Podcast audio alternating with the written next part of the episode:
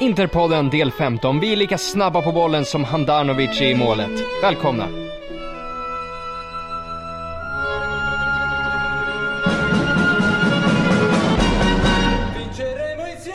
Jajamensan, och vad vi menar med snabba på bollen är ju att vi är igång och spelar in. Matchen slutade för typ 20 minuter sedan eller något sånt där. Och eh, vi är redan igång och spelar in och med mig för kvällen har jag min eh, sedvanliga kompatriot Binan Alatar. Yes, alltid lika kul att få vara med och nu ska vi prova att köra direkt efter matchen. Se om eh, vi kanske har ett bättre minne och sådär. Vi får se. Man kanske kan eh, få med saker som man inte eh, tänker på dagen efter eller två dagar efter. Så det ska bli intressant. Precis, vi kan ju börja gräva in där i matchen eh, redan direkt. 2, 3-1 Mo och vi har precis rakat lite sardinska får här. Eh, dina första tankar? Eh, alltså det är svårt att undgå att prata om Icardi direkt. Eh, mina tankar är att, alltså, jag la ju upp en artikel tidigare idag som jag hade snott från ESPN och eh, eh, översatt till svenska och där liksom fick man upp någon så extra kärlek för Icardi och kanske såg mer av hans storhet än vad man eh, redan trodde eller tyckte och liksom på något sätt man känner att man har hypat honom jättemycket som interista Ehm, men där fick man med så svar på tal att jo fan, det, det är verkligen en fenomenal fotbollsspelare. Ehm, och sen så gör han en sån här match som han gör idag. Alltså, vad fan är det för någonting? Vad är det för spelare? Vad är det han gör? Hur kan han vara... Alltså, hur kan han vara sådär stark? Hur kan han ha växt så mycket på så kort tid? För det här är ju en helt annan Icardi än vad det var förra säsongen och förra säsongen innan det och så vidare. Så... Precis, och framför allt i det läget ska man också kommentera att den här nya Icardi, den här, det här starka kraftmonstret Icardi som vi ser nu, mm. det kommer ur en kille som var skadad nästan hela försäsongen. Ja. Vilket gör det om möjligt ännu mer imponerande. Och jag sa det förra avsnittet, jag tror att jag sa det avsnittet innan det. Bäst i världen på sin position. Och jag kommer fortsätta säga det. Och sen kan folk sitta och snacka om att Cavani har fler mål och la la la, ja ja, men... Nej, det, alltså det, det, det går liksom inte att doubta det längre. Det, jag tror inte ens någon som håller på något annat lag kan säga någonting annat längre för att Alltså det han gör och eh, jag tänker framförallt på en situation här som in, inte blir mål eh, idag men Alltså när han eh, kommer felvänd eh, och han har två spelare emot sig eh, strax utanför deras straffområde. Han liksom kämpat sig till bollen. Eh, precis som du säger, sliter och drar. Eh, han blir dragen också av båda spelarna. Och ändå så... Precis, det som leder fram till frisparken där, eller hur? Ja, precis. Och han vänder om. Eh, nej, inte den som blev frisparken, förlåt. Ah, du menar det skottet ja, det som målvakten tar i slutet? Exakt, för, för alltså styrkan i det där att dels är det sent in på matchen. Eh, du har en styrka som, som är obeskrivlig när du verkligen har blivit pressad hela matchen, vilket vi har blivit. Och han har faktiskt varit med och, och eh, liksom försvarat laget. Eh, men eh, du visar en styrka som är fenomenal i den här situationen. Eh, du löper dig fri. Eh, men de här två kommer och biter sig fast runt dig. Och på något sätt så, ja men han vänder sig om, lägger bollen, alltså mellan de två och, och går förbi. Och sen så lägger ett skott ja. på andra, på, med vänsterfoten. Alltså. Ja, när han gjorde den värvningen, jag såg bara Torino-matchen förra året framför mig när han, yeah, exakt. när han med ryggen yeah, mot mål yeah. glider ut ur boxen och sen exakt. bombar upp den. Det kan ju vara ett av Icardis snyggaste mål i Intertröjan. Och det finns ju ett det finns ju 94 av dem nu, eller hur? 93? Eh, ja, 93. 93. Eh, I Inter, ja. ja, eh, precis. Och, och grejen är så här, alltså det jag såg där, det var Messi och det var Cristiano Ronaldo och det var alltså den absoluta toppen. Det var Zlatan Ibrahimovic. Alltså det var de här mm. som man pratar om som är på en helt egen nivå. Eh, och det är det han visade prov på idag. Och det bästa av allt, eh, det är reaktionen när den inte sitter. Han är ja. lika förbannad som att han inte har gjort någonting under hela matchen.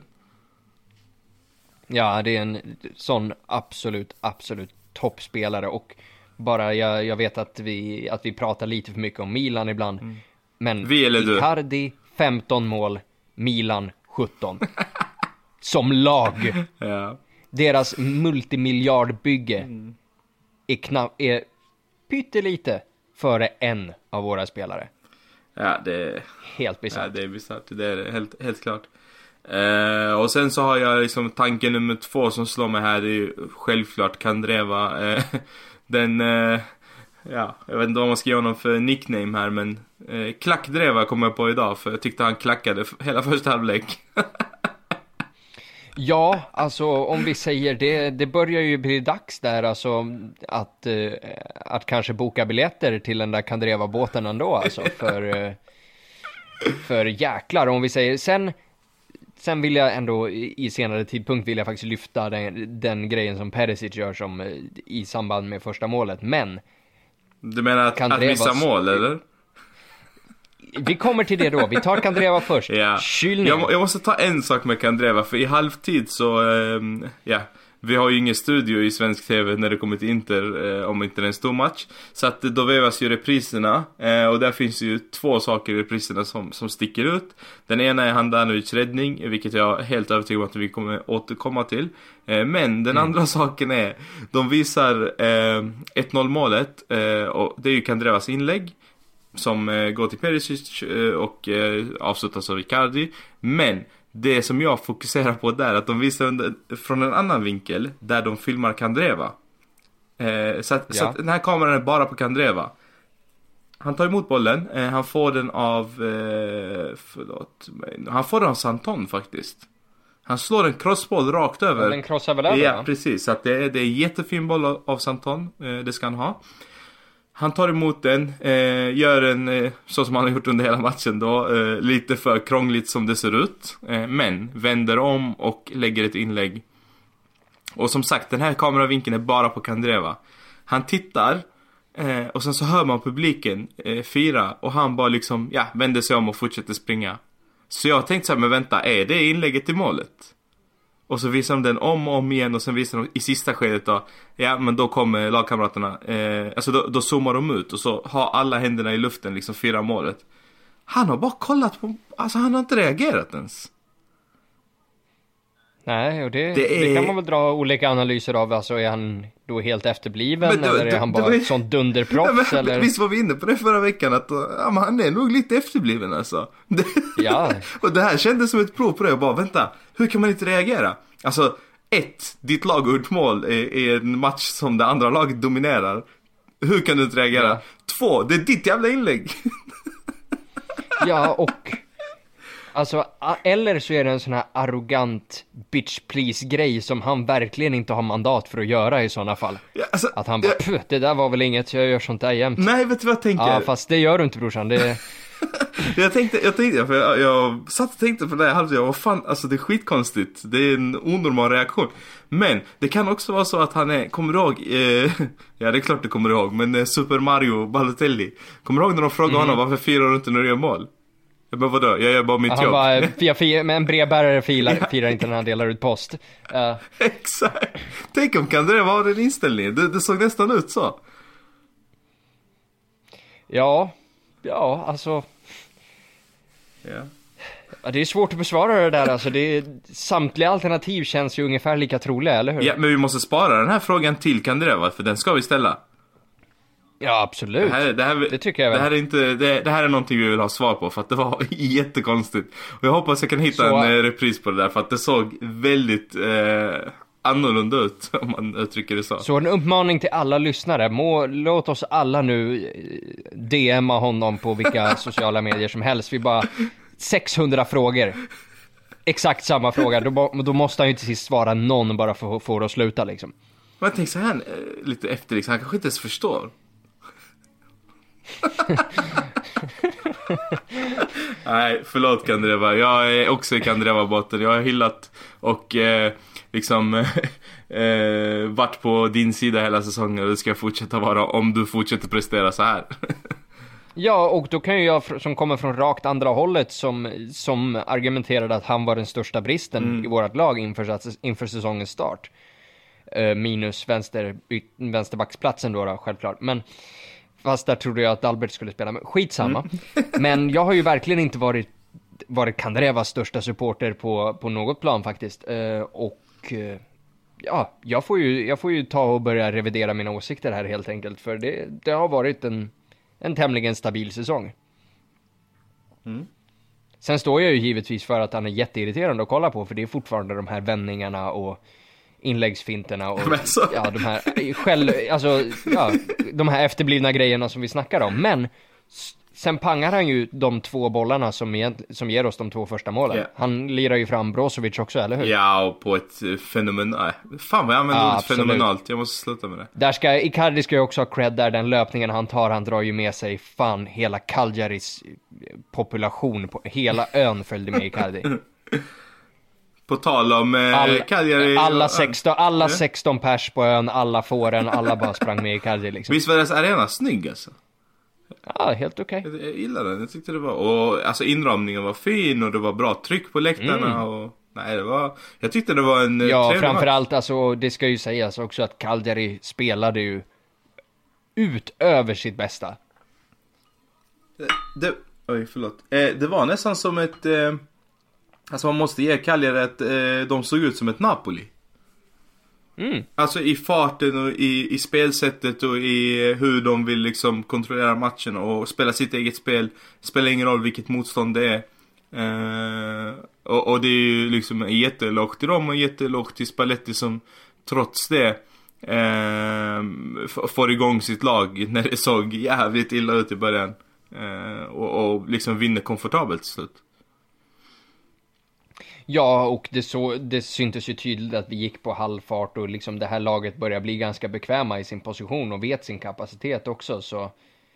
Så... Jag var aldrig riktigt orolig i den där, i den där matchinledningen liksom. Nej, och det, det är också en sak som jag tycker är viktig att ta upp där, för att det, det var inte jag heller. Eh, och det är ju kanske Alltså annorlunda, eller det är annorlunda känsla för mig i alla fall. Eh, för att man är inte van vid det. Eh, om man säger, man genomlidit de här senaste åren. Men eh, alltså förtroendet för Spalletti är ju på riktigt nu. Vi vet ju att, att grabbarna klarar Oh, det ja. för att Spalletti står där. Ja, absolut.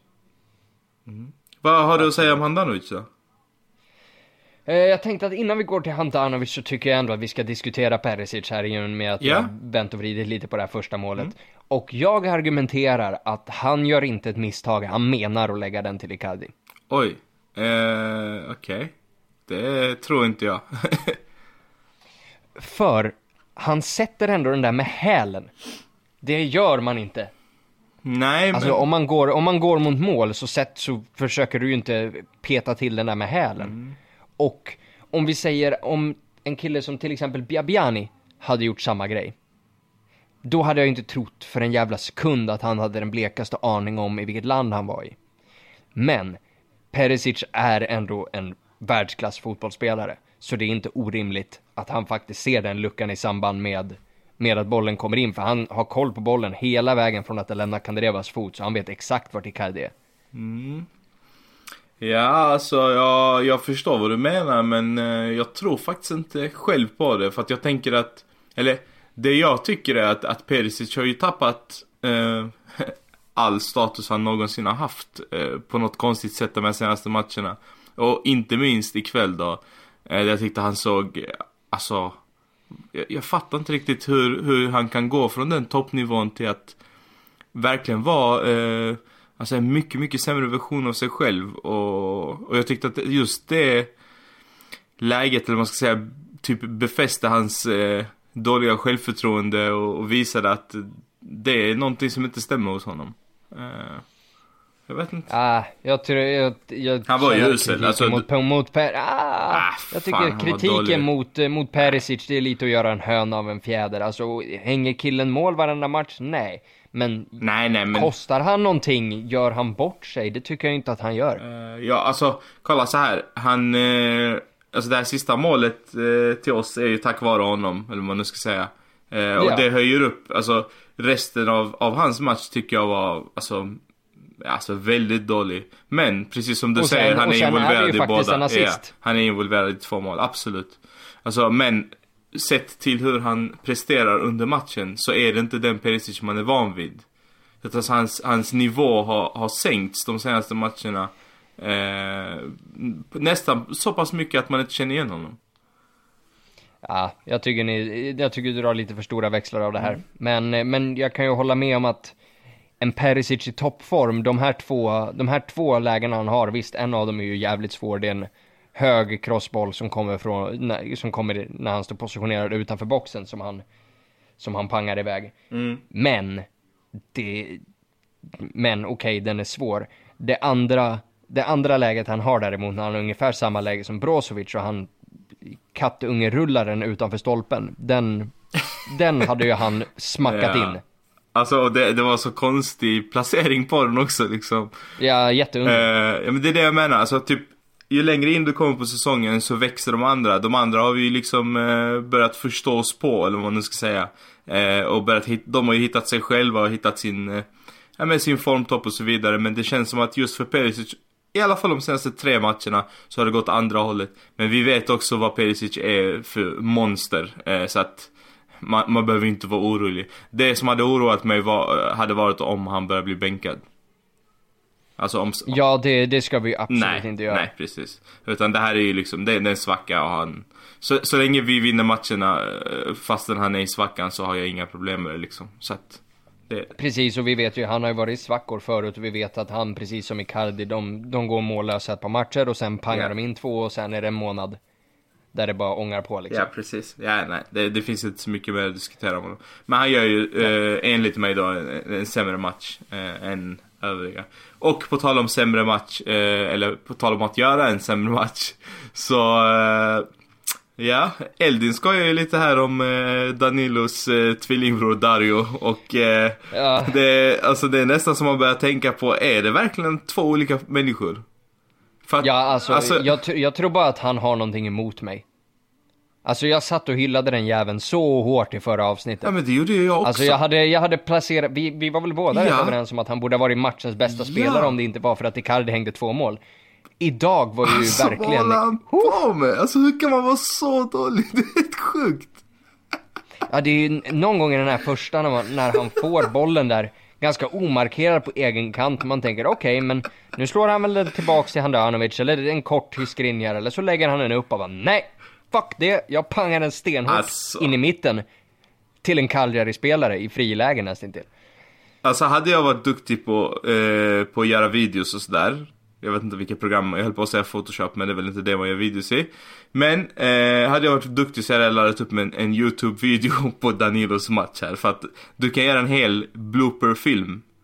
Alltså ja. vad sysslar han med? Vad håller han på med? Och sen så, det värsta av allt är så här, du, du slår bort bollarna. Eh, vi kommer ihåg din förra insats, förra matchen. Vi har fortfarande ganska mycket kärlek efter den eh, för dig mm. liksom. Så att vi kommer acceptera en viss, eh, ja men att du inte är vaken eller vad man nu ska säga. Men vad fan. När du väl gör de här, det blir inte bättre av att du står och, och gestikulerar och ut med armarna och liksom är, är den här, eh, vad, vad han säga på italienska? Att han inte är Maikon. Vi vill inte se mm, det. Någon sån om Maikon. Ja. Han visar ju det hela matchen bara, hallå, lugna ner dig nu. Ja men det kanske var för att plocka ner oss fans på jorden och påminna, alltså jag känner att han slår ett så här verkligen Maikon-värdigt inlägg i matchen mot, eh, mot Atalanta. Bara, men kom ihåg, non sono Maikon! Eller så är det två olika personer, alltså det, det är den enda logiska förklaringen för att den nivåskillnaden på en vecka, det är fan ta mig inte lätt. Ja, en, en, som också egentligen har visat på, på att vara lite två olika personer, men då inte lika konsekvent, alltså inte lika hastigt förändrande, det är ju Samir Handanovic om man jämför från tidigare säsonger där han egentligen har stått fastgjuten mm. i backen när bollar har kommit farandes mot mål, vilket han verkligen inte har gjort den här säsongen och det har ju varit lite kritik fram och tillbaks från, från diverse håll och vissa har hyllat honom mm. till skyarna och så vidare och jag har väl stått någonstans i mitten. Men idag får man väl ge honom ordentligt med cred, eller hur? Ja, absolut. Det börjar ju faktiskt med att han eh, får lite panik där och spelar ut bollen till en hörna eller två, tre hörnor i början som, mm. eh, där han ser lite osäker ut. Eh, och sen så, och de har ju, man måste ju ge dem, alltså pressen de satte i början är ju inte eh, vi är inte vana vid det. Eh, och när vi väl har mött den typen av press tidigare så har det inte gått bra. Så att eh, vi skulle ju börjat med 1-0 i baken ganska fort. Men den räddningen alltså. Wow. Ja, den är... Ja. Alltså, jag kollade på den ja, där i halvtid då ett antal gånger. Eh, olika vinklar och sådär. Alltså den, den är typ snyggare ju mer du kollar på den och ju fler vinklar du ser den ifrån. I en vinkel så förstår man för då löper han runt typ. Alltså han löper typ runt och följer med. Eh, så att innan den här bollen kommer fram till, eh, alltså innan inlägget kommer. Eh, så är han där borta och sen så hänger han med liksom på att det kommer komma ett inlägg här. Och så i sista sekunden så gör han sig jättestor. Men anfallaren är så pass säker på att bollen sitter. och det är väl alla som kollar på matchen egentligen. mm. Skriniar och Miranda är helt säkra på att bollen är i mål. Ja, ja. Eh, de står ju liksom och sover och, och liksom har släppt det där. Det är klart att den, den går in. Det går inte att göra någonting på den. Men inte Handanovic. Så nope. han, han, är liksom på, där är han, usch. Nej, och det är jättefint att se att, att grabbarna går fram och tackar honom efter och liksom visar eh, Ja, och det gör de fan rätt i för yeah. det där var rätt skämmigt i övrigt. Mm. Och där vill jag faktiskt lyfta en Cagliari-spelare och det här får man ju inte göra så himla ofta i och med att ligan har gått ner sig så som det är. Men den här jävla... Är det Barelli? Farago. Okej, okay, ja. Alltså, varenda inlägg som slogs i den här matchen mm. kom ju från den, från deras högerkant, våran vänsterkant. Mm. Och det är ju samma kille som slår delvis den bollen som Handanovic mirakelt räddar. Slår egentligen den, den hörnan i början där som blir farlig också. Han slår assisten till det som blir Calgaris mål. Mm. Ja, men... Alltså varför har inte vi den här även? Jag tycker de hade en, en del spelare som, uh, som liksom stack ut. Den här Barelli eller vad han heter, shit. Nej, Nicolo Barella. Barella. Han, han har ju varit, han har ju, han har ju varit lovande men Ja, big whoop tycker jag men alltså Nej fan han var grym alltså. Han var, puh. Jag gillade det, jag gillade vad jag såg. Sen är jag ju så jävla insnöad i Inter att man knappt tittar på någon annan. Man sitter och försöker hålla, hålla koll på ens egna liksom. eh, eh vi har ja. huvudvärk så det räcker.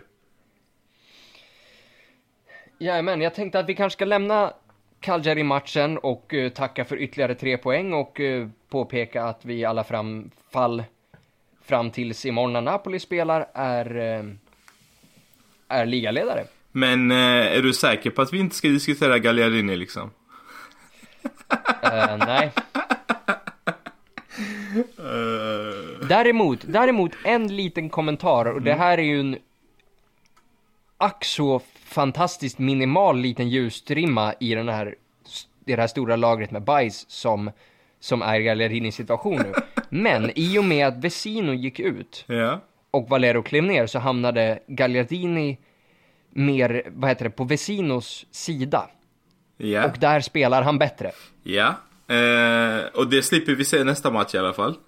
Ja, precis. För vi, just det, det, det kanske vi ska diskutera också. Det är ju ett antal spelare som vi kommer sakna nästa match nu. För Gagliardini är ju avstängd. Mm.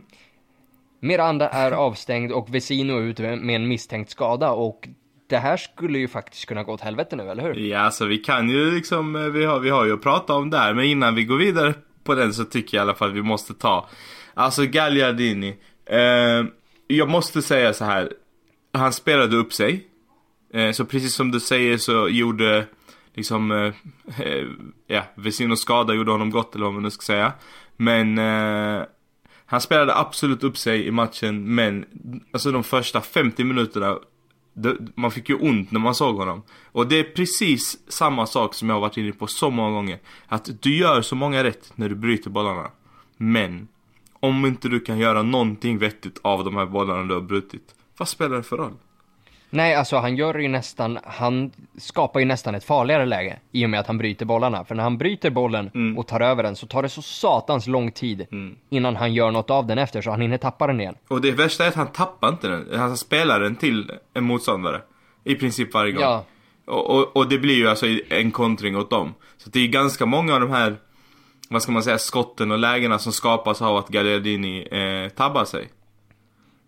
Grejen är att jag, jag tänkte lite på det när jag såg honom där lite positionerad mer åt högerkanten tillsammans med Dambrosio Candreva. Mm. Och kom, kom ihåg att när vi då lirade förra säsongen under, under Pioli mm. så var det ju faktiskt där han spelade och Kondogbia mer åt vänstersidan. Mm.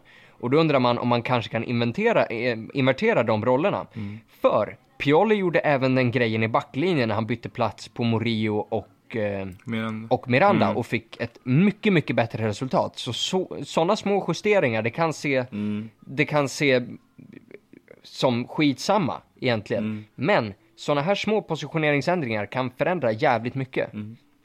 Och då är ju då frågan, vi vet ju att Gagliardini spelar bättre på den sidan.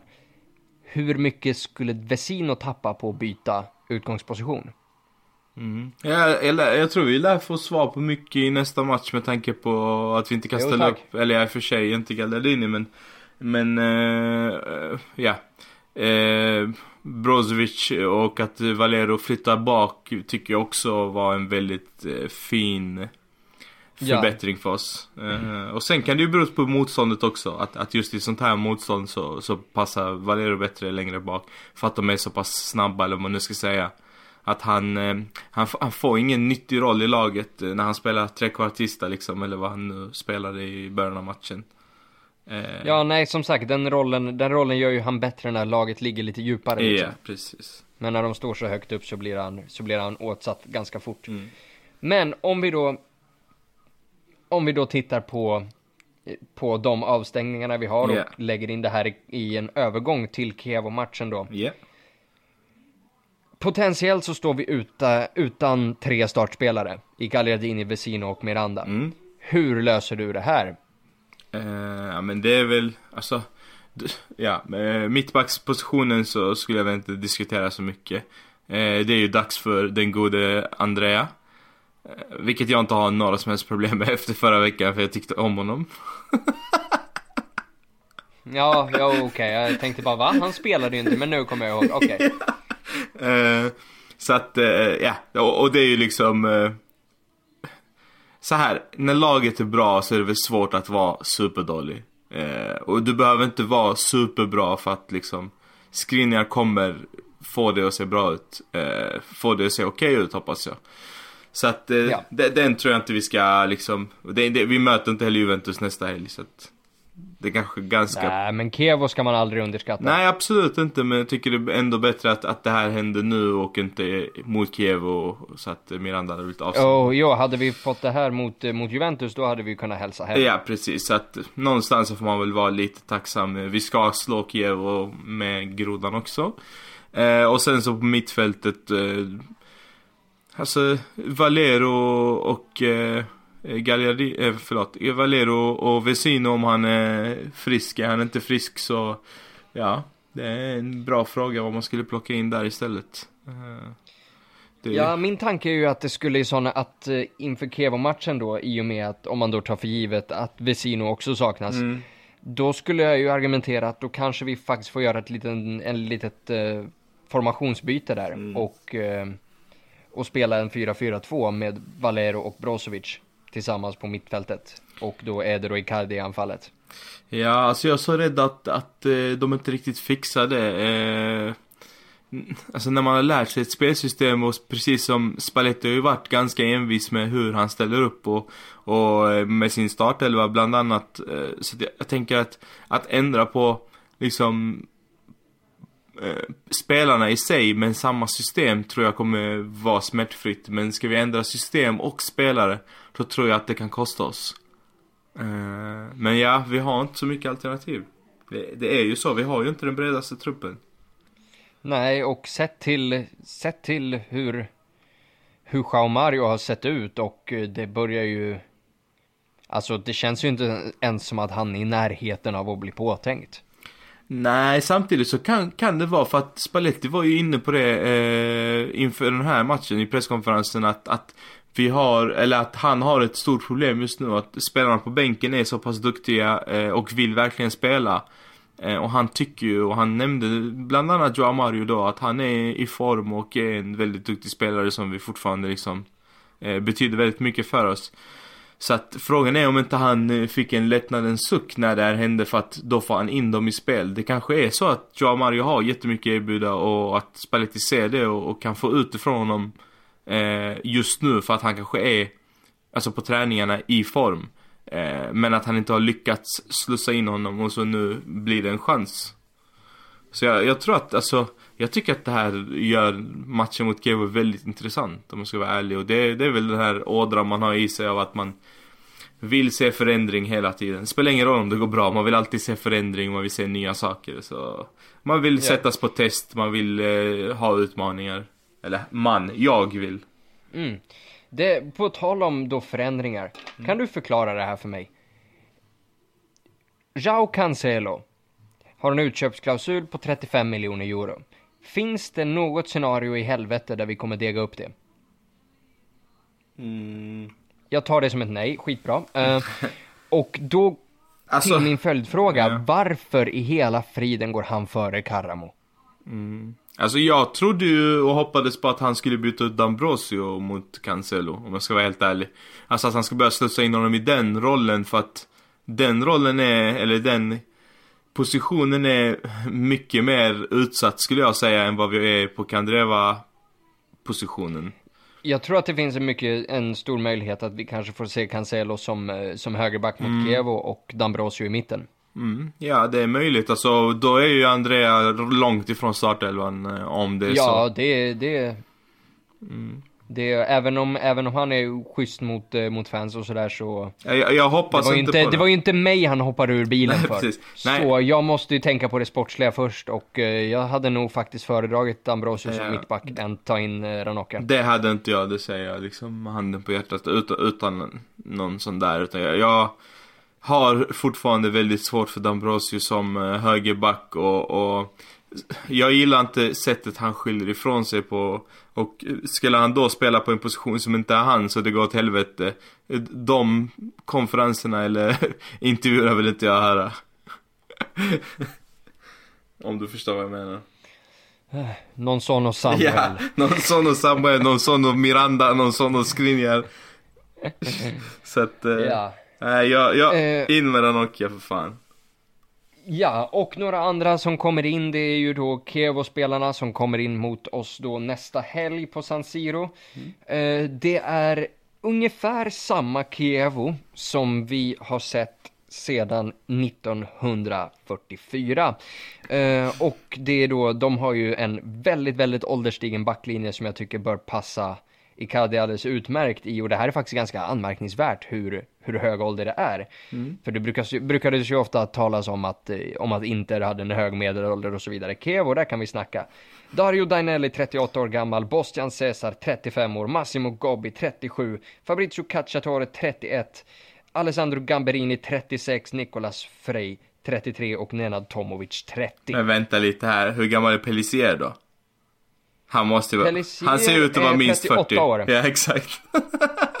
Precis, men det där är ju då bara backlinjen. Jaha, oj förlåt. Eh, och sen ser det ju liknande ut i, i mittfältet har de väl, har de väl eh, föryngrat marginellt. Mm. Ehm, men utöver det så eh, så ser det rätt standardiserat ut. Eh, Roberto Inglese som lämnade Kevo i januari förra året är ju tillbaks på lån. Mm.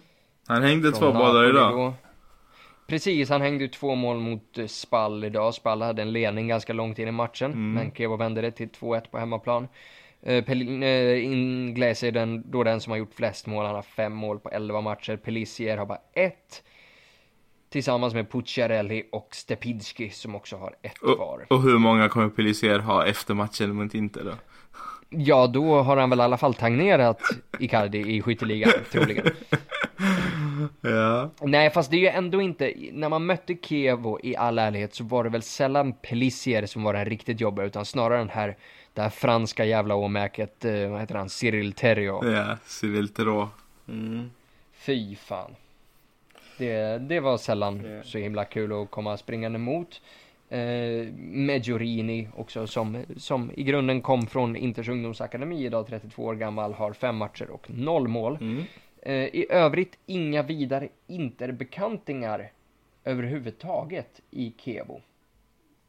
Så hur tror du att våra chanser ser ut där? Och sen framför allt, framför allt när vi både talar om ålder och folk som brukar vara jävligt jobbiga att ha att göra med när det kommer till att spela mot Kevo är ju målvakten Stefano Sorrentino. Mm. Som jag tycker, jag tycker alltid att det har varit en fantastiskt duktig målvakt. Ja, det kan vi bara skriva under på. Alltså jag tror inte att vi har några problem mot Kevo eh, för att de är ett spelande lag och jag tycker att vi har mött bra eh, spelande lag och liksom eh, löst det på allra bästa sätt. Så att jag vet inte vad jag ska säga. Det var ju ett snack förra säsongen, eller för förra säsongen om att Kievo hade blivit eh, typ Italiens Barcelona när man kom, kollade till spelsättet för att de eh, körde mycket passningsspel och liksom byggde upp sitt spel. Eh, skulle de, äh, tappar de boll så jobbar de snabbt tillbaka den och så vidare. Nu har inte jag kollat på dem så pass mycket i år så att eh, Ja, man kan ju inte beskylla dem för att göra överdrivet mycket mål. Om man Nej. tittar då på de senaste fem matcherna så har de ju en 4-1 torsk mot Milan, en 4-1 torsk mot Sampdoria och sen svänger ju formen här lite grann där de drar 0-0 mot Napoli, 1-1 mot Torino och idag spöar de ju då upp Spal med 2-1. Mm. Men det är ju inte nå det är ju inte några målrika matcher som de spelar, i alla fall framåt. Nej, precis. Nej, eh, jag känner väl mig ganska trygg i, i vinsterna. Jag tror faktiskt inte ens att Kievo-spelarna Alltså på något sätt har den inställningen att de ska komma och vinna mot Inter. Så att, eh, vilket jag tycker är jätteviktigt. För såg man på matchen idag så Bologna-spelarna gick ju all in och de skulle ju bara vinna. Eh, jag tror inte att den Alltså- Det är mycket möjligt att de gjorde, men nu spelar ju vi mot Cagliari, eller hur? Ja, så var det kanske. Förvisso så kan vi ju säga att eh, Bologna drämde upp eh, Sampdoria ganska fint idag. Det är därför jag har det på minnet fortfarande. Eftersom att eh, Sampdoria ledde med 3-0 mot Juventus förra helgen och idag fick de 3-0 av Bologna. Så att, eh, det, Simone fucking Verdi, det där är en kille vi borde köpa alltså. ja. Eh, nu tappade jag spåret helt, men ja. Du, du menade att eh, Kievo inte var Nej, så jag, jättetaggade på att komma och vinna? nej, jag, På samma sätt som Bologna var? nej, jag tror faktiskt inte det. Eh, nej, jag, jag tror att det är en ganska lugn match för oss och eh, det kanske behövs när vi har ja, tre ur elva förmodligen då som, som inte kommer spela. Så att, eh, ska jag, Jajamensan, ska jag tippa direkt kan vi eller? ju kanske kommentera också att om, om vi kände, om vi känner att vi skulle behöva en liten fördel upp på Kevo också, så kan jag ju kommentera att eh, på onsdag så spelar de också Coppa Italia, medan vi inte gör det för vi är redan kvalificerade förbi det här stadiet. Och det är faktiskt derby mot Hellas Verona också, så det är ju en, en tuff och kämpig och jävligt viktig match för dem. Så de kommer ju inte de möter ju inte någon, eh, någon Catanzaro eller något sånt här Serie C-gäng heller liksom. Så det kommer ju, det kommer ju kosta dem där. Så vem hoppas vi ska bryta benet? Sorrentino? Ja, jo, det skulle väl vara så. Alltså det spelar ingen roll vilken målvakt som står eh, om vi har Icardi liksom, eller? Nej, nej, det är förvisso sant. Den här Walter Birsa är ju en, jo- är ju en jobbig Mm. jävel också. Så om han drog en knäsena så varför inte? nej, men skämt åsido, jag gillar Kevo. Jag tycker de är, Ja men det, det, det är ju ofta ett hyggligt gäng att möta liksom. Ja, men det är väl också ett lag man, eh, i och med hatet mot Hellas så kanske man liksom på Precis, något sätt precis, tycker om ja, dem ja. lite mer. På tal om. Hellas, eh, jag måste ta det här. Eh, jag har en granne här, en äldre dam som jag var och snackade med häromdagen och så kom vi in på fotboll. Hennes barnbarn spelar tydligen i Hellas Verona. Eh, Jaså? Ja, eh, unga pojkar. Eh, och där är en svensk dam och så här, så kommer hon in på, ja ah, men mina barnbarn spelar. Jag bara, ah, okej vad heter de? Ja men de spelar eh, ungdomslaget och de blev värvade för inte så länge sedan och så jag bara okej, så bara, vad heter de? Jag ska googla och kolla upp liksom. Eh, och så sa hon namnet så bara vänta, det där är ett arabiskt namn. Hon bara, ja de är halvaraber, de är muslimer liksom. Jag bara, ah, okej. Jag bara, det är kanske fel klubb för dem att vara i. Ja, det... Och det lär väl de lära sig på ett Ja. eller annat vis. Hon bara, vadå? Jag bara, det är en riktig jävla nazistklubb liksom. Och det är ju vad jag har lärt mig av dig. Så Ja, och det, Ja, hon bara, va? det är vad Jag de bara, har visat upp för världen också. Om vi pratar om, om vi pratar om, eh, om allmänt störigt beteende så kan vi ju lyfta bland annat eh, Lazios eh, jag vill minnas att eh, Lazio, precis, Mm. Lazio i något sammanhang Eller? Nu hänger jag inte med alls. Nej, nu hänger inte jag med heller. Jag kan, jag kan, jag kan vara missinformerad här, så vi stryker den där grejen. Ja. Hur som helst, Hellas är nazister, det brukar vi kunna prata om ofta. Så Ja. fortsätt på det spåret där. Så, eh, ja, så... Eh, ursäkta. Så sa jag då, men... Ja, de är toknazister och sen. Alltså jag tänkte ju inte på att sånt kanske man inte borde säga till henne. Hon blev ju livrädd. Ja, men jag måste Ja. ringa dem nu, jag måste ta hem dem. Så här, jag bara nej, alltså inte så. Det är inte dem. Det är inte själva klubben och föreningen. Utan det är mer liksom. Längre. eh, Ja, jag bara det är typ eh, alltså supportrarna som står och heilar på det. Va? Jag bara oh shit. ja, så jag var kanske. Den again, om man inte vill ha Highlander-supportrar så är ju Italien ett jävligt dumt resmål. Precis, och så här, så alltså det är ju ganska vanligt. Jag bara, det är ju till och med så här i Sverige. Är det så? Jag går aldrig på fotboll i det här. Jag Alltså, kollar aldrig den här bonden. Kollar man på, ja. Nu ska vi inte hänga ut någon, men kollar man på eh, till exempel AIKs supportrar så har de väl en del högerextrema där också, ska jag säga. Ja, det har de säkert. Och i annat fall så fick de dunderdänga av Napoli. Den, när det Champions League-kvalet eller vad fan det var, Europa League-kvalet kanske det var. Var för några år sedan. Så, Yes. Och även av CSKA Moskva vill jag minnas också, så de vet sin plats. Um, Eh, och sen ja. är jag helt opartisk, jag, jag tycker exakt lika illa om, om alla svenska lag. Så det är, Förutom Malmö FF. ja, jag, jag, jag, det var ju en ganska, var det inte AIK som hade ganska fina banderoller där efter, eh, efter sena, efter den veckans, ja, tvivelaktiga Nu släpper vi det här och fokuserar Ja. på Serie. Ja. Jajamän, eh, så en liten, nu när vi har tagit det här sidospåret, så vad tror du om resultatet vid Keva-matchen? Eh, jag tror en komfortabel 2-0 seger. Behöver jag fråga vem som gör de två målen? Eh, jag är helt övertygad om att Icardi gör två mål så att det blir han som gör båda. Mm. Ja, jag tror inte det här kommer bli, eh, bli precis lika enkelt som, eh, som du tror. Jag tror att vi kommer komma därifrån med, med, med en 1-0. Och då... Ja, men en Perisic tror jag på. Nej, han är ur form för fan. Nu vänder det inför Juve-matchen. Och Gud vet att han skulle behöva det. Ja. Vad Åh. tror du om att hoppa på lite eh, lyssnarfrågor? ja, men det blir perfekt. Mm, eh, Dino Bilanovic börjar ju här med, kan ni näm- ens nämna en nia i världen som är bättre än Icardi? Och Dino, det vet du att vi inte kan, för det finns ingen. Alltså det... Nej, det... Det, det går inte. Och, och sen kommenterar ju eh, Mirsad Mujkan- Mujkanovic under där att, eh, att engelsmännen troligen skulle sä- säga Harry Kane. Och eh, vi tar en liten paus i inspelning här ifall ni vill skratta. Eh, och så kan vi fortsätta där då. Eh, Alltså med, med så här. eh, De går kanske inte att jämföra. Sen gillar jag Harry Kane väldigt mycket. Jag tycker att det är en otrolig spelare. Eh, på många sätt och vis. Men just i den positionen så tycker jag att Icardi har alltså, mer att erbjuda. Om man nu ska säga på det sättet. och min kommentar på Harry Kane är mö. Nej, nej, nej. Det är en, alltså en riktigt grym spelare. Hela den ligan är mö. Utom, Ja, det- det utom. City alltså. City får man ju ge dem att det här, den här Gabriel Jesus, Gabriel Barbosa grejen kommer jag ju aldrig komma över i mitt liv känns det som. Men Nej men alltså just Harry Kane är faktiskt en... Eh, nej alltså. Jag gillar många spelare i Tottenham men framförallt Harry Kane då. ja. Uh, Yasir Alabas. Ska man fortsätta spela Borja bakom Icardi eller ska man starta Brozovic slash Joao Mario och flytta ner Valero ett steg? Mm. Vad tycker du Binan? Eh, jag tycker faktiskt att, eh, att Valero kommer med till sin rätt. Precis som vi har varit inne på. Vi fick ju se det idag. Eh, och jag tyckte att det såg mycket, mycket bättre ut. Så att jag tycker absolut att han ska flyttas bak och att antingen Brozovic eller Joao Mario ska starta. Absolut.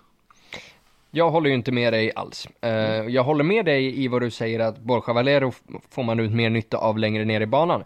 Korrekt. Men det, eh, Juan Mario och Brozovic är för, är för opolitliga. Även om Brozovic hänger ett mål idag så är det inte det där en kille att lita på och det är inte Juan Mario heller. Så vi får ut mer totalt av den mittfältstrion vi, vi, tend- vi brukar starta med. Snarare än om vi skulle börja byta ut även, även om det är Gagliardini vi byter ut. Mhm. Ja, alltså jag, så här, de flesta höll jag på att säga, men många i vårt lag eh, går inte att lita på. Fram tills att vi har sett de 14 matcher och de liksom har växt på oss och, och gjort det bra och har liksom vad ska man säga, visat prov på att ge dem tillräckligt med, med eh, energi och eh, instruktioner från Spalletti tillsammans med ett förtroende från fansen och förtroende från eh, tränarna såklart. Så kommer de att eh, klara av sin roll. Jag tror att både Joao Mario och Brozovic har vad som krävs för att göra samma resa helt enkelt. Så att eh, eh, om det gör oss bättre så tycker jag absolut att det är ett alternativ. Eh, samtidigt som när jag tittar på det så tycker jag att det ser bättre ut när eh, Valero spelar längre bak. Eh, och sen så, ja det inhoppet Brozovic gör idag är ju ett, usch, wow alltså. Till mm, skillnad mm, det... från förra veckans inhopp. Precis, förra veckans inhopp var ju en total skandal och idag går han och pangar in, yeah. pangar in ett mål nästan direkt. Och det är ju just det här jag menar att det går inte att lita på den här killen. Nej men jag tänker också att jag, jag kan inte lita på eh, D'Ambrosio, eh, det är många i laget man inte kan lita på, Nagatomo, Santon och så vidare. Men jag tror att som ett kollektiv så går det att lita på dem eh, om de får tillräckligt mycket stöd. Så att, eh, mm. Men ja, vi kan tycka olika såklart. det var demokratiskt av dig. Eh, Kuitin frågar, det känns, hur känns det att laget som leder ligan är Inter? Hur känns det att bästa målskytten hittills i ligan är Icardi? Hur känns det att Inters yttrar Perisic och Kandreva leder assistligan med sex assists vardera? Alltså det känns riktigt dåligt. Jag hatar den här känslan. Jag ja. gillar Så jävla smutsig. Ja. Nej, det känns eh, som att vi har allt att förlora höll jag på att säga. ja, och sen, sen Kuitin får man ju faktiskt kommentera att Immobile faktiskt har lika många mål som Icardi, så. På färre mm -hmm. antal matcher. Precis, så. Mm -hmm. Nej, men det känns faktiskt eh, riktigt, riktigt bra eh, just att det är så här man vill att det ska vara. Det ska vara, inte ska vara i topp och Icardi ska vinna skytteligan. Det är liksom ens... Eh, det är det vi, vi strävar efter till 100%. Yes. Uh, Georgios Jonadis frågar. Han träffade jag idag. På Mall of Scandinavia. Ja, faktiskt. Skittrevligt. Shout out. Yeah. Eh, vad tycker ni om att Santon återigen har fått starta och hur har han presterat och bara han får fortsätta spela istället för Nagatomo och Dalberto? Eh, jag tycker du ska svara på den. Du tycker jag ska svara på den? Ja, mm. ja. Det är bara för att du vill hö höra mig gråta om Dalbert, eller hur? Nej, absolut inte. Jag bara tänkte att eh, det blir som att du ställer alla frågor och jag svarar. Mm. ja, alltså. Usch. Det är ju, det är ju verkligen inte lätt, men Uh, ja, egentligen tycker jag ju det. Nu i ljuset av den här matchen i och med att allting som Cagliari skapade kommer ur de inläggen som kommer från den positionen där han egentligen ska kunna stoppa upp inläggen. Det, det är ju en... Det är ju... Det blir lite lätt problematiskt. Men jag tycker att han är en mer komplett fotbollsspelare än vad Nagatomo är. Och jag hade ju självklart velat se Dalbert för det, jag såg, det lilla jag såg av Dalbert i Nice var imponerande och jag tror fortfarande på hans potential. Men om han har visat sig heta Barbosa i efternamn så, så får jag ju helt enkelt släppa den grejen och, och lita på Spalletti och jag ser inte varför jag inte skulle göra det. Så ja, jag röstar nog för att Santon ska fortsätta. Ja, jag, jag håller faktiskt bara med. Jag tycker att eh, Ja, men han har kommit in och förstärkt laget. Man, man trodde inte man skulle kunna säga det, men det har han faktiskt gjort. Eh, han har gett dem en till dimension och han har gett dem en... Eh, eh han har en passningsfot, han visade prov på skott idag också. Eh, nej, jag tror att... Eh, alltså håller han sig frisk och eh, inte fuckar upp sitt knä eller vad det är han brukar göra eh, och lämnar kolan eh, eller ja, vad man nu ska säga. håller, sig till, håller sig till att dricka cola istället för att göra någonting annat. Så han, eh, har, han har odlat ut en väldigt lång fingernagel som sked säger du? det går ju rykten om det ja.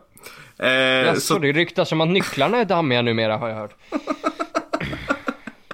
eh, så, eh, så, nej, jag, jag, tycker det är skitkul att se och sen så är det ju också, det är ju en, vad ska man säga, det är ju ingen som har följt inte länge som inte hade hoppats på att Santon skulle bli någonting. I alla fall efter det man såg, vad var det, 2007-2008 mot United. Ja, precis. eh, Oskar Sandberg frågar, vem ska ersätta Samir Handanovic när han tackar för sig och likadant för Miranda? Vilka är liksom realistiska värvningar då som tror passas in? Jag har ju min känsla av vem som blir målvaktsersättaren. Så jag kan ju börja där och så kanske Mm. du kan få drämma till en gissning på vem Mirandas ersättare i backlinjen blir. Mm. Och det här smärtar ju mig att säga i och med att nu, vi nu har snackat om Nassar i, i Hellas och så vidare. Men i och med att Genoa är en slagpåse det här året och med största sannolikhet kommer åka ner om inget mirakel händer. Så tror jag att Perin blir Handanovic ersättare. Och det vill jag ju inte se av många skäl. Delvis för att Perin är en dassig fascist och delvis för att Perin är inte så jävla bra alltså. Sen här skitfull också. Precis, och skitful också. Det, är- det är liksom, det, det är ett hattrick i skit liksom. Eh, men han är duktig. Alltså, duktiga reflexräddningar, alltså det är en otroligt hög högsta nivå. Men jag tycker den här normalnivån han ligger på är inte, är inte av interklass. Målvakter för mig är med bara, så spelar ingen roll. Ja, men han är fan below med. Ja. Eh, jag har ingen, ingen kandidat där faktiskt. Jag, jag ser inte det som ett problem utan det är ganska enkelt och alltså, vi har en historia av att ha bra målvakter. Jag tror inte att vi har något problem med att ersätta Samir. Så. Förhoppningsvis inte. Eh, Miranda blir nog tuffare att ersätta. Eh, inte för att han är någon super mittback eh, utan mer för att det är svårt att, att tänka ut någon realistisk mittbacksvärvning. Vi, vi ju att till och med våra direktörer inte lyckas med det liksom.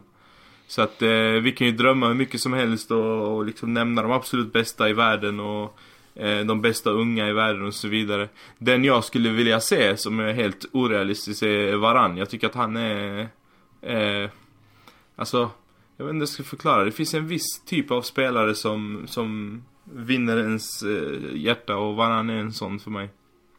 Ja, Jag har två namn. Ut, utöver De Frey-tanken som ni även lanserade för ett antal eh, avsnitt den, den, den tycker jag ju om också givetvis. Men eh, jag tror ju att den kandidaten som Inter har i huvudet just nu är eh, José Maria Jiménez. Mm. Wife beater Jiménez från, från Atletico Madrid. Ja. Och det, hade ju varit smutsigt, men det är en ganska bra spelare. Eh, Tänk att presentera också honom. en- Tänk att också- presentera honom i ett linne.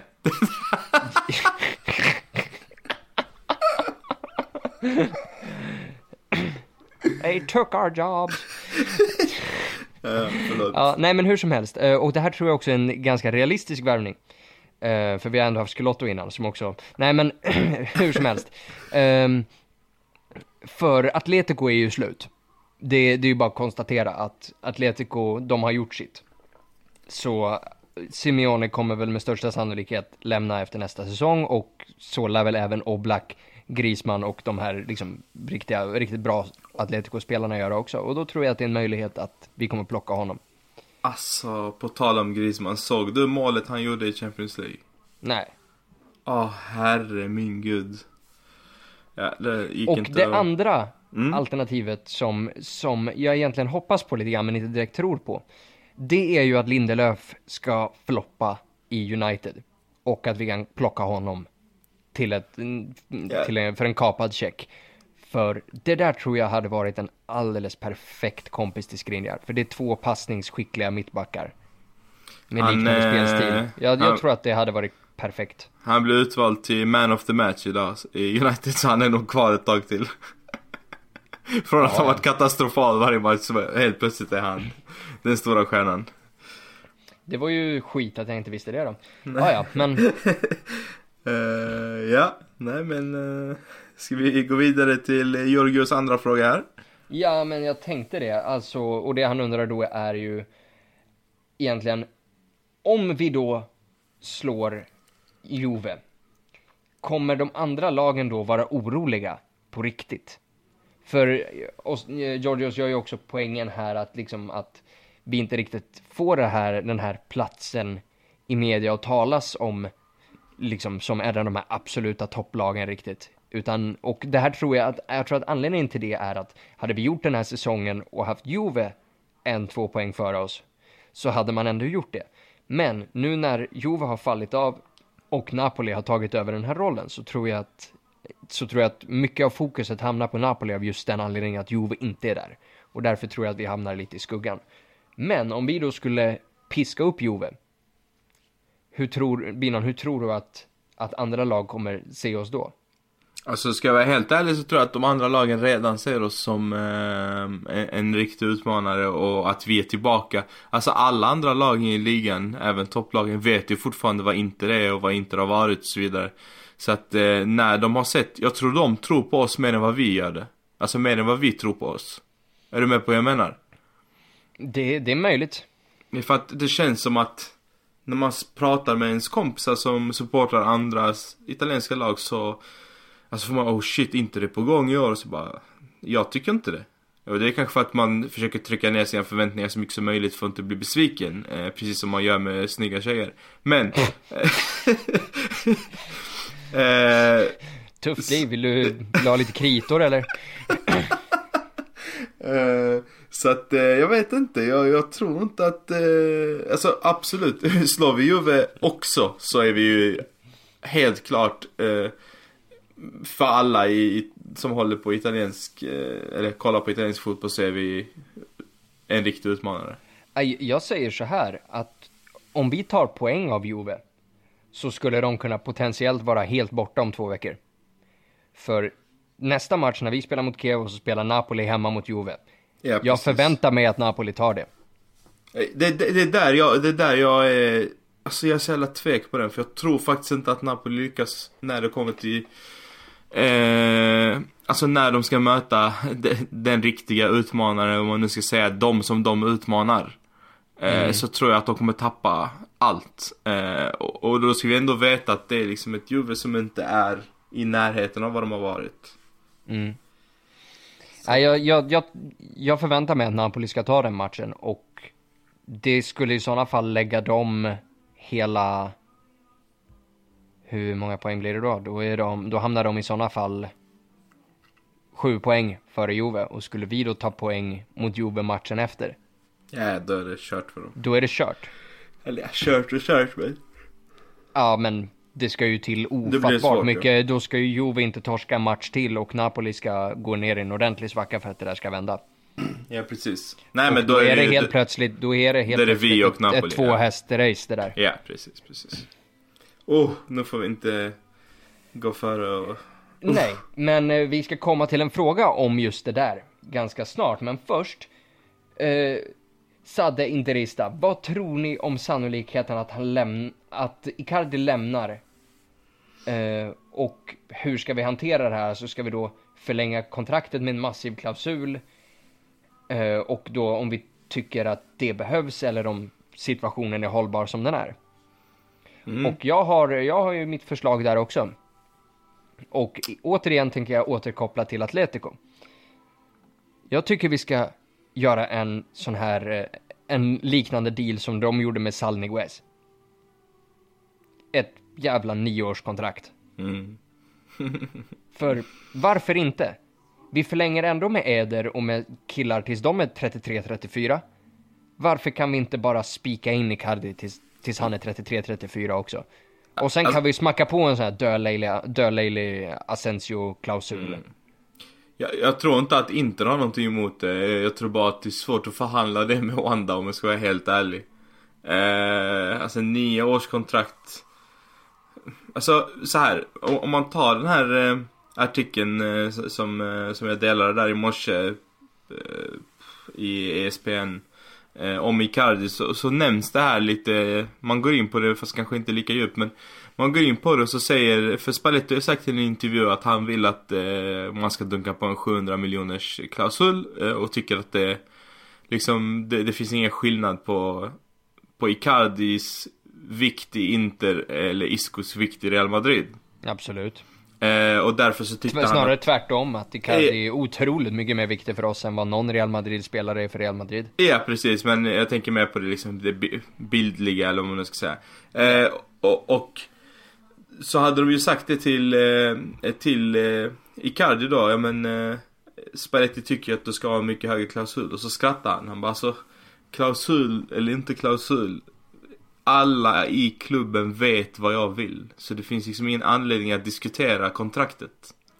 Alltså jag älskar honom så mycket. Ja, exakt. Alltså att Alltså, gå ut och det- säga något sånt. Ja. Han bara, alltså vi kan diskutera eh, klausuler och siffror och sånt. Han bara, alla i klubben vet vad jag vill. Och då, därför så behöver inte de diskutera klausuler med mig. Ja, alltså om vi säger, jag, jag är ganska selektiv med, med att gilla spelare, men jag, jag älskar den här killen så otroligt mycket. Ja, och det, Alltså, det, det, det fin- alltså, han är den enda man har tagit till hjärtat sen, sen 2010. ja. Det finns ju ingen annan. Nej. Alltså han har en, han har en, eh, alltså en mognadsnivå som är svår att, att sätta ord på för att han är 24 liksom.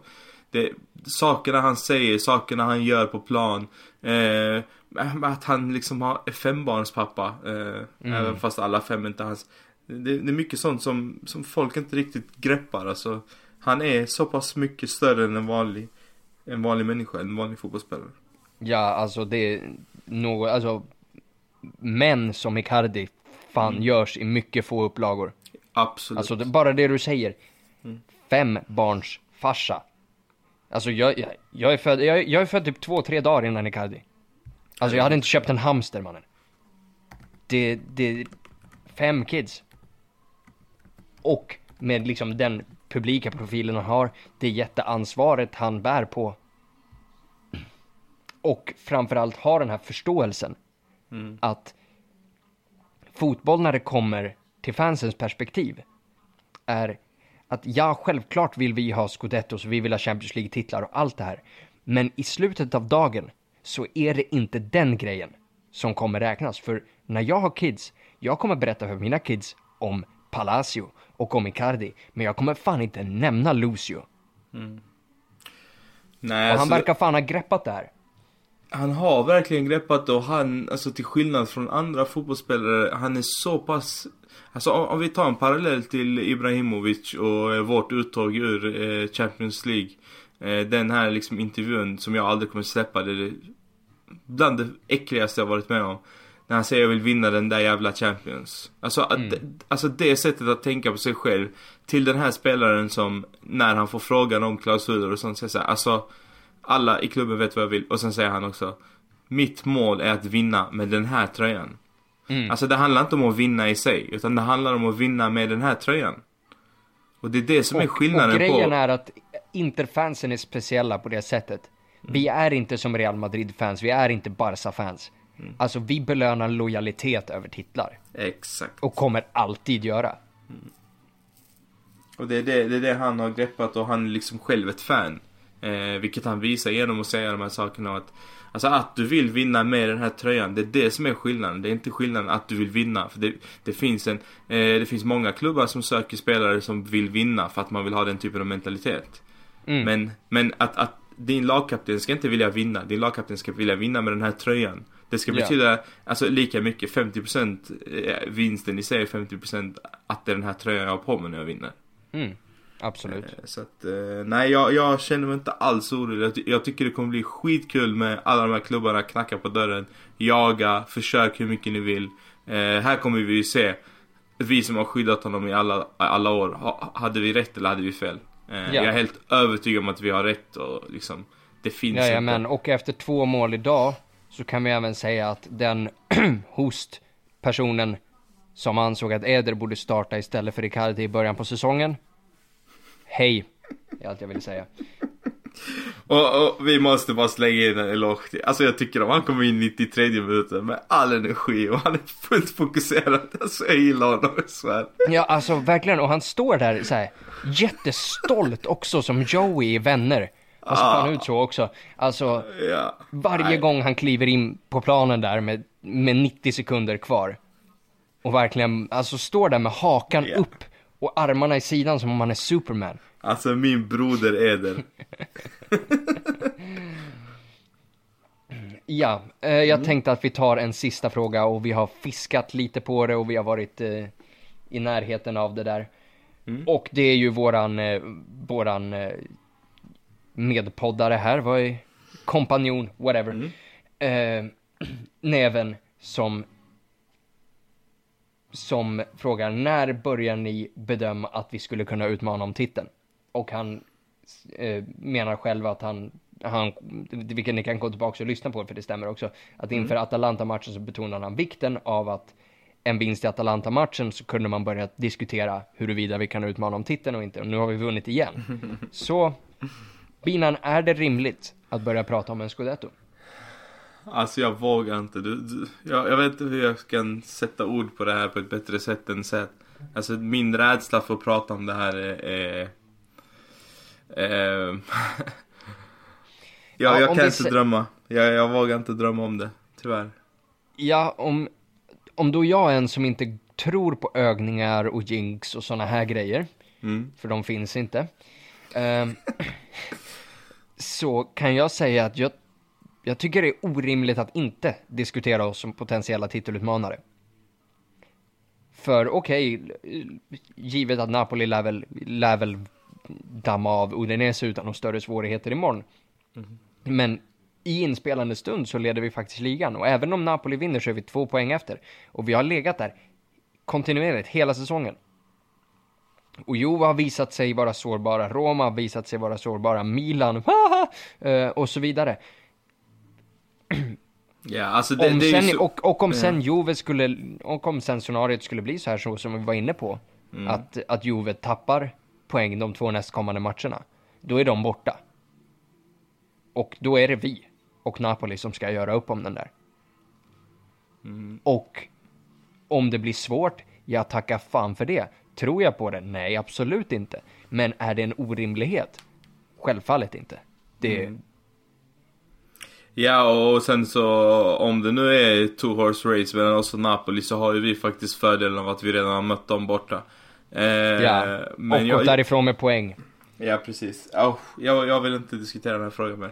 Och framförallt, framförallt också, vi kommer till ett guldläge även, även mot, om vi skulle ta poäng mot Juventus. Mm. För i sådana fall skulle vi ha då ha mött våra tre konkurrenter i topp fyra. Bo, alla tre på bortaplan, tagit, tagit en vinst mot Roma, tagit poäng av Napoli och då tagit poäng av Juve. Och då ha kvar de tre på hemmaplan inför, inför, våra, äh, inför resten av säsongen. Det skulle kunna, det skulle kunna bli, det skulle kunna ligga oss perfekt i händerna. Det värsta är att vi sitter och pratar om det här matchen innan vi startar med Ranocchia. Låt oss ta diskussionen nästa helg. Kanske lite så ja, det finns ju en gedigen chans. Eh, jag, jag har en fråga. Eh, när eh, Icardi byts ut nästa match Mm. och han ska lämna över kaptensbindeln eh, och Miranda såklart inte startar. Är det den goda Ranocchia som får den? Ja men det, det, det kan det ju inte vara. Varför det? Ja men alltså för vilken pungspark i nyllet på resten av laget. Vem ska få den då? Det är pa- lite paradoxalt en pungspark i Vem nyllet, ska men få ändå den då? alltså. Ja, jag skulle väl gått och gett den spontant till Handanovic i sådana fall. Vad ska man göra det när han har varit kapten alltså? Ja men allvarligt, det är liksom. Ska jag, du ge en kille som inte, har, som inte har spelat en match för klubben på, det är väl snart över ett år? Ett år, är det mer än så? Han var ju på lån andra halvåret Ja? i, i- av förra säsongen och han har ju inte spelat någonting i år. Nej precis, men jag tänkte spelade han någonting innan han stack på lån? Gjorde han det? Fan? Det har jag Ja, det, förträngt. ja, det måste han väl gjort i någon, någon situation va? Jag tror fan inte det alltså. Ja, hur som helst, då kanske det till och med är ännu längre än det. Ja, jag tror det är typ man kan, ju inte komma, man kan ju inte komma och ge en kaptensbindel till en kille som inte har, som, för fan. Ranocchia är knappt en del av Inter längre. Ja, jag ser fram emot i alla fall just det ögonblicket för vi vet att det kommer ske. Vi vet att Eder kommer stå där vid- eh, och beredd på att hoppa in. Och vi vet att Icardi ska lämna över bindeln. Frågan är om de har diskuterat det här på, liksom inför den här matchen. Vem ska få bindeln när han går ut? Det kan bli en intressant eh, grej i matchen. Ge den till Skrin i alla fall. Ja, alltså det, jag, jag tycker sånt där är skitkul. Vi får se. Jajamän, eh, vi skulle ju kunna starta en liten sån tråd på Facebook. Vem tror ni att Icardi är kaptensbindeln till när, när han kliver av liksom? Ja. Och med de orden så, så lämnar vi er i de funderingarna för resten av natten och, eh, och hoppas att vi hörs igen efter Kevo-matchen och tills dess eh, salutata la capolista. Ja, för fan njut av eh, de här 12 timmarna eller vad det blir. Något sånt. Yes. Tack så mycket för ikväll. Ciao. Ciao.